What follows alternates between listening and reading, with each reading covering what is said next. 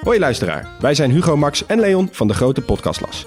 Wij zijn drie geografen en elke week behandelen wij een ander land. We bespreken onder andere de geschiedenis, politiek, natuur, maar ook de sport, de muziek en natuurlijk het eten. De nijlpaarden van Pablo Escobar, de vele bunkers van Albanië en het verschil tussen een sheik en een emir zijn zomaar wat voorbeelden die langskomen. Maar we bespreken ook de geopolitieke invloed van China in Afrika en de impact van het Europese kolonialisme. Luister dus wekelijks naar de audioversie van de Atlas, de Grote Podcastlas.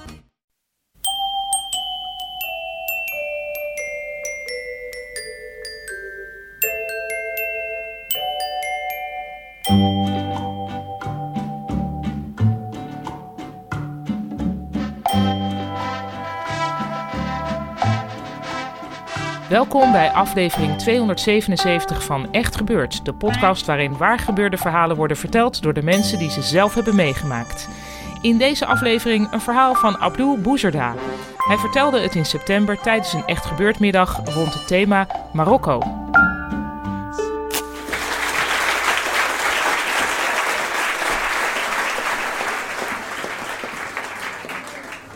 Ergens in 1993, het was uh, mei, stond ik oog in oog met mijn tegenstander. In Duitsland, want um, vanuit de boxclub in Arnhem, waar ik ook ben opgegroeid, um, deden we daar aan de competitie. Het was mijn debuut en ik stond daar dus oog in oog met wat ik meen een Oost-Europeaan. Het kan ook een Duitser zijn geweest, net zoals dat ik gewoon een Nederlander ben, ondanks mijn achternaam. Maar zijn achternaam deed mij denken aan een Oost-Europeaan. Het was um, een jonge man, uh, maar hij maakte aardige indruk op mij. En dat kwam um, deels door het tatoeage, maar ook deels door het stoppelbaardje. Uh, voor een jongen van 15 jaar is een stoppelbaard toch wel iets machtigs. En ik ging boksen tegen iemand met een stoppelbaard. Je kunt je voorstellen dat uh, je als 15-jarige voor het eerst een debuut maakt in een boksren, dat je aardig zenuwachtig was. Ik kan me dat gevoel nog precies herinneren. Ik denk dat ik maar weinig keren in mijn leven zo zenuwachtig ben geweest. Ik zweette als een otter, uh, mijn handen trilden, mijn knieën trilden en ik voelde ook mijn hart in mijn keel.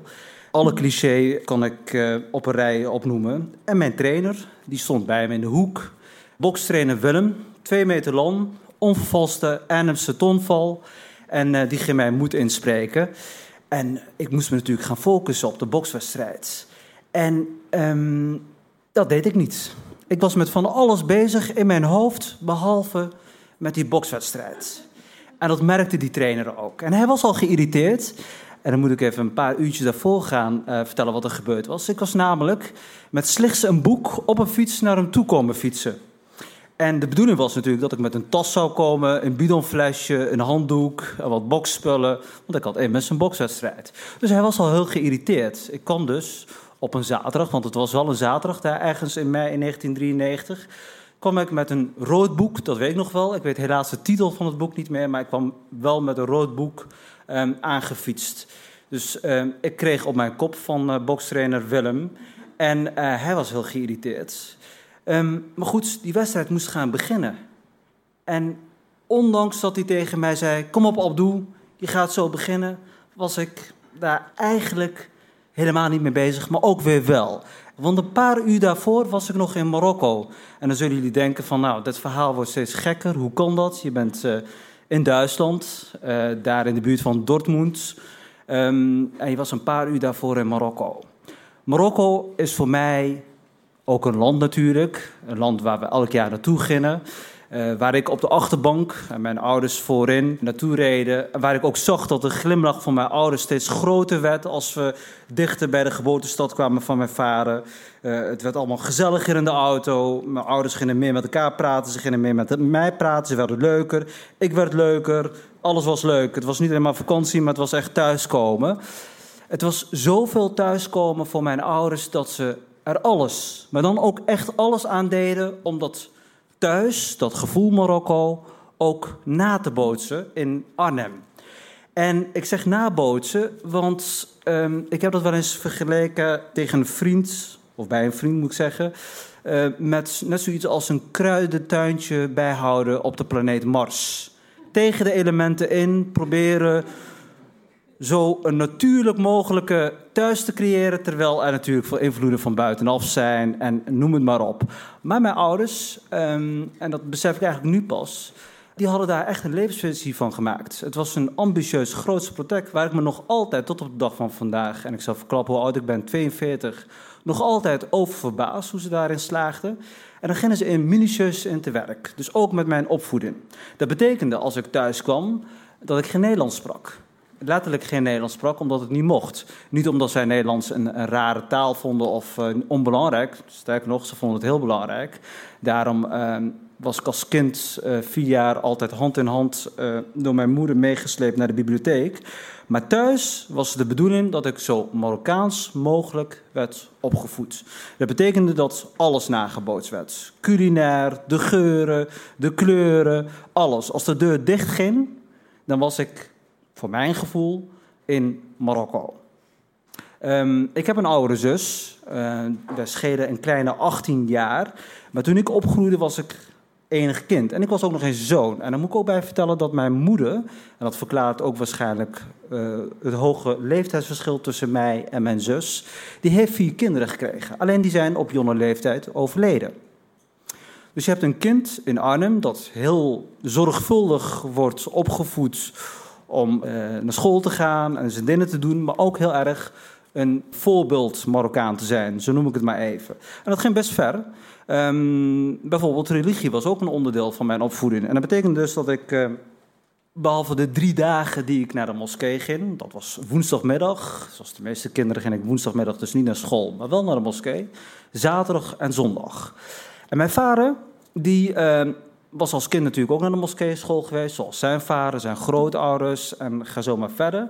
En die had het volgende bedacht. Die zei tegen mij van, Abdou, als jij um, naar de moskee gaat, s ochtends, zaterdag en zondag, dan moet jij niet ontbijten. Want dan kun je veel beter de Koran uit je hoofd leren. Um, jaren later, in 2006, las ik ineens in de krant dat de Yale School of Medicine een onderzoek had gedaan en dat er een hormoontje vrijkomt wat glerine heet. En dat zorgt ervoor, als je op lege maag iets leert, dat je het stofje, of dat stofje zorgt ervoor dat je dus beter kunt concentreren en beter de stof onthoudt. Dus in die zin heeft mijn vader wel gelijk. Ik heb het hem ook verteld. En toen zei hij, ja, maar dat wist ik natuurlijk al. Uh, maar goed, dat waren de omstandigheden waarin ik op uh, groeide. En ik deed dus de dingen die mijn ouders van mij vraagden. Uh, maar dat betekende dus ook dat ik ochtends heel vroeg moest opstaan om het gebed te doen. Um, moslims bidden vijf keer per dag. En het eerste gebed is als de zon opkomt. Dat is het zogenaamde Fajr-gebed. Nou, ook in die mei in 1993 was ik vroeg opgestaan. En dat was ergens rond half zes in de ochtend. Nou, als puber om half zes opstaan. Ik weet niet hoe jullie waren als puber, maar zeker in het weekend. Dat, dat is nogal een opgave. Maar ik deed het, omdat het was niet zo Spartaans. Het was ook heel liefkozend. Het was ook iets heel intiems. Als ik met mijn vader s ochtends opstond, dan... Um, uh, dan was dat ons moment samen. En aan het einde kreeg ik een kus, een omhelzing. En dat is door blijven gaan tot de dag van vandaag. Dus in die zin is altijd fysiek contact geweest en ook heel veel liefde ging erbij gepaard. Maar mijn vader had ook een uitgesproken mening over uh, wat goed was en wat niet goed was. En boksen hoorde daar absoluut niet bij. Op een twaalfde besloot ik toch te gaan boksen. En ik had hem verzekerd nooit een bokswedstrijd te gaan doen. Dat moest ik beloven. Hij heeft me nog net niet op de Koran laten zweren, maar ik moest hem plechtig beloven dat ik dat nooit ging doen. Want uh, boksen, dat is een barbaars schouwspel en het kan niet anders. Het moet heel slecht zijn voor je hersenen. Jaren later heb ik weer in de krant gelezen dat het inderdaad heel slecht is voor je hersenen. En dat artsen wereldwijd uh, ervoor pleiten om het te verbieden. Dat heb ik hem trouwens nooit meer verteld. Um, want anders had hij mij weer gezegd van, zie je wel, dat wist ik al. Uh, maar goed, ik besloot na een paar jaar toch om te gaan boksen. En dan zal ik even uitleggen waarom. Want behalve thuis was er ook school en straat. En voor mij was de straat, dat waren mijn buurtjongens... die op hun scooters rondreden in dure Australians en Nike en Max... en weet ik allemaal nog meer. En dat had ik niet. Uh, althans niet in zulke grote getalen zoals zij dat hadden. En ik had zeker geen scooter. En er was ook nog school. Uh, Torbekke Scholengemeenschap in Arnhem. En op straat, bij mijn vriendjes, ik had eigenlijk niet zoveel uh, gemeenschappelijke grond om over te praten. Zij schepten op over hun scooter, uh, dat ze een meisje hadden gekust op de kermis. En mijn enige kredietwaardigheid die ik had, mijn street credentials, dat was toch dat ik bokste. Maar na drie jaar alleen maar trainen tegen een bokszak slaan, ja, dat is niet meer spannend om tegen die vrienden te zeggen. Want die hebben een veel spannender leven. En op school waren er ook vriendjes en klasgenoten. En uh, ik kan me nog heel goed een stelletje herinneren. Dennis en Marijke. Um, en Dennis en Marijke die vonden mij heel bijzonder, want uh, ze hadden nog nooit een Marokkaanse nerd gezien. En op mijn vijftiende besloot ik om daar voor eens en voor altijd mee af te rekenen. Namelijk, ik zou een bokswedstrijd gaan doen. En ik wilde ook aan mijn vader bewijzen, aan mijn ouders bewijzen, van ik wil boksen omdat ik weet wel wat goed voor mij is en wat slecht. En ik, doe ook, ik maak ook een keer een keuze voor mezelf. Dus dat was mijn manier van puberen. En op school was dat ook belangrijk om met dat beeld van de nerd af te rekenen. En op straat was dat ook voor mij iets om te laten zien van... ik ben wel spannend en ik kan wel wat. En kijk eens, ik heb een bokswedstrijd gedaan... want jullie rijden wel op jullie scooters en doen wel heel stoer en roken. Maar ik heb een bokswedstrijd gedaan. Dus ergens in april, een, een kleine vijf of zes weken voor die bokswedstrijd in mei in 1993... besloot ik dus in overleg met mijn bokstrainer Willem om te gaan trainen. En ik weet nog de uh, woorden die hij tegen mij zei. Hij zei: Nou, Abdoe, je moet wel goed gaan trainen. Je moet geen flikker zijn. En uh, uh, in 1993 was het woord flikker waarschijnlijk een aanmoedigingskreet.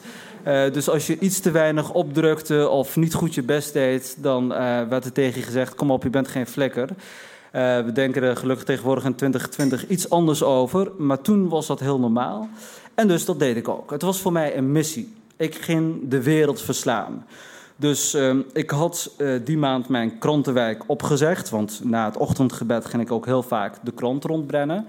Um, en na het ochtendgebed ging ik hardlopen. Ja, bizar wat je allemaal doet als 15-jarige. Maar het was voor mij heel belangrijk.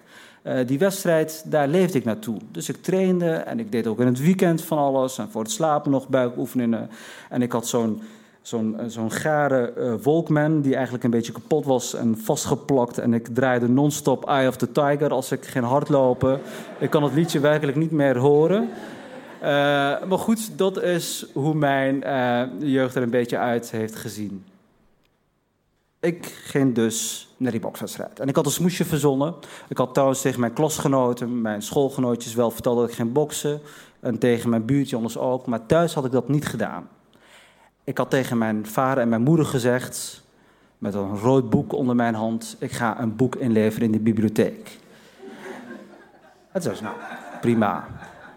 Dus ik nam dat uh, rode boek mee en uh, ben op de fiets gestapt en dacht van ja, wat moet ik tegen Willem zeggen?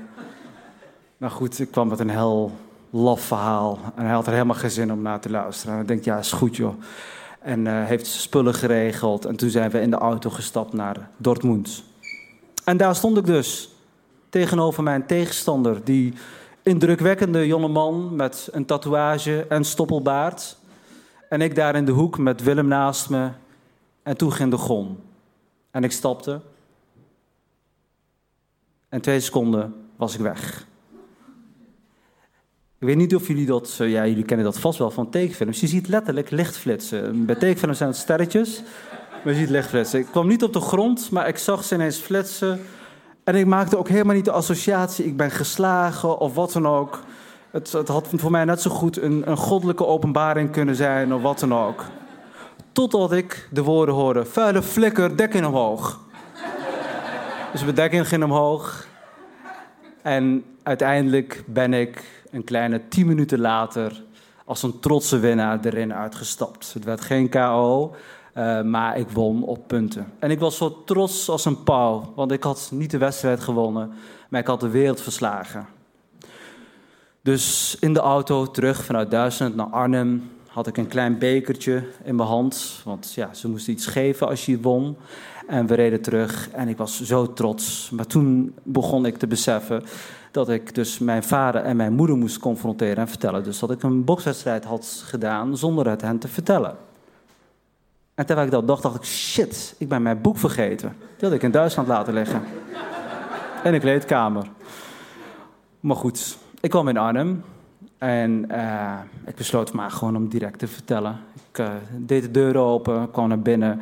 En mijn moeder en mijn vader die waren bezig met uh, een, een sederi met nieuwe stof ontwikkelen. Een sederi is een typisch Maghrebijnse bank die plat is met kussens. Als jullie het zien, denken jullie, oh ja, dat is het. En dat is een sederi. Daar waren ze dus nieuwe stof aan het ontwikkelen.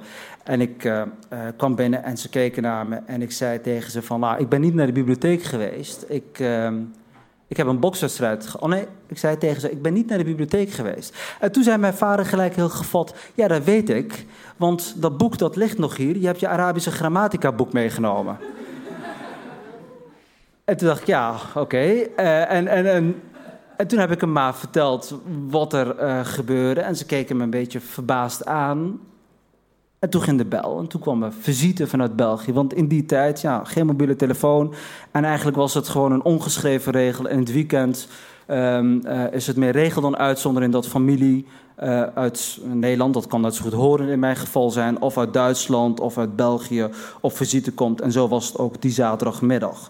Dus mijn familie kwam, uh, mijn oom met zijn kinderen, en het was heel gezellig. En niet één keer meer is het woord boksen gevallen of wat dan ook. En de volgende dag, toen zij tegen de avond weggingen, toen ook niet. En ik had er eigenlijk ook geen zin meer over te beginnen. Want ik had toch mijn vader en mijn moeder, die zoveel van mij hielden en zo hun best deden, die had ik toch ook wel een beetje teleurgesteld. Dus ik begon me ook een beetje schuldig te voelen. En de volgende dag op school vertelde ik dus Marijke en Dennis. Althans, ik was van plan om ze dat te gaan vertellen. En ik moet er ook bij uh, eerlijk vermelden dat ik Marijke een beetje leuk vond. Maar niet helemaal, maar het was een beetje onduidelijk allemaal. Uh, en, en, Dennis die kwam naar me toe en, en Marijke en die zeiden: We moeten je wat vertellen. Maar ik moest ze natuurlijk ook wat vertellen. Maar ik dacht: Nou ja, laat ik ze maar eens vertellen wat ze willen vertellen. Dus ze vertelden dat ze verkeer in hadden. En, um, en dat liet ik ze even vertellen. En, um, en toen vergaten zij mij weer te vragen: van, Wil je wat nog zeggen? En ik dacht: Laat ik maar niet meer de moeite nemen. En op straat was het ook niet veel anders. Die vriendjes die hadden of een nieuwe scooter of een nieuwe Nike Air Max. En dat gevoel uh, van overwinning, dat uh, sloeg over in frustratie en een beetje teleurstelling. En ik had ook bij mezelf een beetje besloten van... ik ga eigenlijk niet meer boksen, want waarom heb ik het gedaan? Uh, ik heb niet de credits gekregen waar ik voor of op hoopte. Tot een kleine twee of drie weken later. het kan ook een maand zijn, het kan ook langer, ik weet het niet meer precies. weer zo'n ochtendgebed met mijn vader. En is duidelijk om te onderstrepen. We hebben in tussentijd dus niet één keer meer over boksen gehad. En we waren klaar met het gebed. Dus die kus en die omhelzing die kwam er weer. En toen zei hij van, het is goed dat je zo bidt met mij. Want dat zal je ook helpen als je in de toekomst vaker gaat boksen. Maar doe dat wel uh, buiten de vakantieperiode om als we naar Marokko gaan. En dat was voor mij um, een heel belangrijk moment die ik nog steeds koester. En eigenlijk voor het eerst... Um, uh, zo publiekelijk vertel. Um, want dat was ook het moment dat ik eigenlijk wel iets had bereikt. Ik had namelijk, nou goed, zoals kinderen soms doen, hun ouders teleurstellen, maar toch wel het vertrouwen van mijn vader gekregen.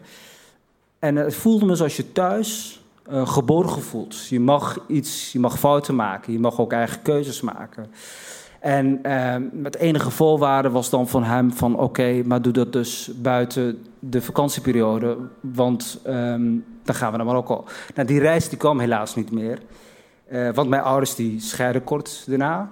En het heeft uiteindelijk tien jaar geduurd voordat ik voor het eerst weer als volwassen man op mijn 25ste naar Marokko ging. Maar het gevoel van thuis, um, en dat ik het ook in één adem kan opnoemen met Marokko en thuis het gevoel van geborgenheid. Dat is dat moment, ochtends vroeg als puber, uh, slaperig koud water over je gezicht gooien, het ritueel gebed doen. En dan dat warme gevoel, een kus en een omhelzing. Dat is voor mij Marokko.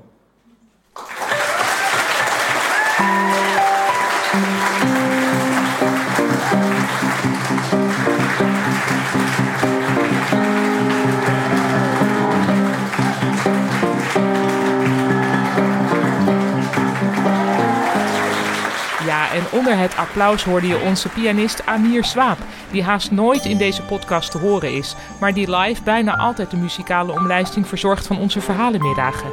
En die dan zomaar The Eye of the Tiger uit Rocky 3 paraat heeft wanneer dat liedje wordt genoemd door Abdul Boezerda.